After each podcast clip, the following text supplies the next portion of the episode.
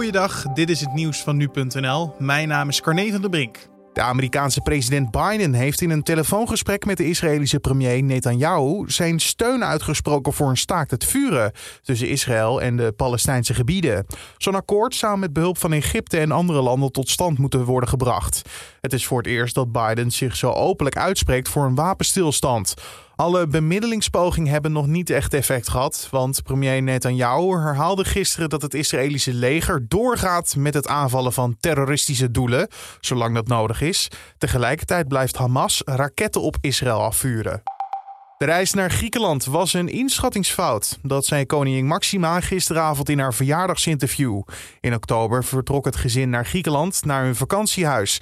Dat leidde toen tot veel kritiek. Het mocht nog steeds hè, naar Griekenland. Die was een gele land en uh, we gingen naar ons eigen huis. We gingen niks anders en vanaf daar werken. Dus we dachten gewoon, net, ja, het kan nog steeds. En in die denken en mogelijkheden, niet een beperking, zijn we echt door een schattingsfout gegaan. Waar ook veel om te doen was, was de nieuwe speedboot van het koningspaar. Deze zou zo'n 2 miljoen euro hebben gekost. En dat zorgde voor veel onbegrip. Dus iets dat mijn man heel graag wilde hebben. En ik gun hem wel, maar dat mag niet afdoen van al het werk dat hij uh, voor Nederland doet. En dat vind ik heel belangrijk. Ook vertelde de koningin over haar begintijd in Nederland. Hoe ze incognito door ons land reisde met een pruik op. Ze had het er allemaal voor over. Als je eenmaal echt verliefd bent op iemand en je wil met die persoon iets delen, dat doe je met alles dat je hebt. Weet ik ben een hele nieuwsgierige persoon. Mm -hmm. Dus ik vond het ook niet moeilijk om door het land te reizen en heel veel over Nederland te lezen. Het interview werd gisteravond uitgezonden door de NOS. Gedupeerde ouders in de toeslagenaffaire hebben onterecht een brief van een deurwaarder gekregen. Daarin stond dat ze hun schulden moesten afbetalen. De schulden die de ouders hebben opgebouwd door de fout bij de Belastingdienst moesten juist worden kwijtgescholden.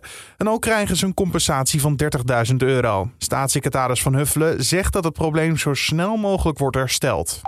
Nederland telde in de eerste maanden van dit jaar 334.000 werklozen. Dat zijn er 50.000 minder dan de maanden daarvoor. Dat betekent de grootste daling sinds het CBS in 2003 begon met meten. Volgens het Statistiekbureau komt dit omdat veel sectoren de coronacrisis relatief goed zijn doorgekomen. Tegelijkertijd steeg het aantal openstaande vacatures afgelopen maanden zeer snel met 26.000.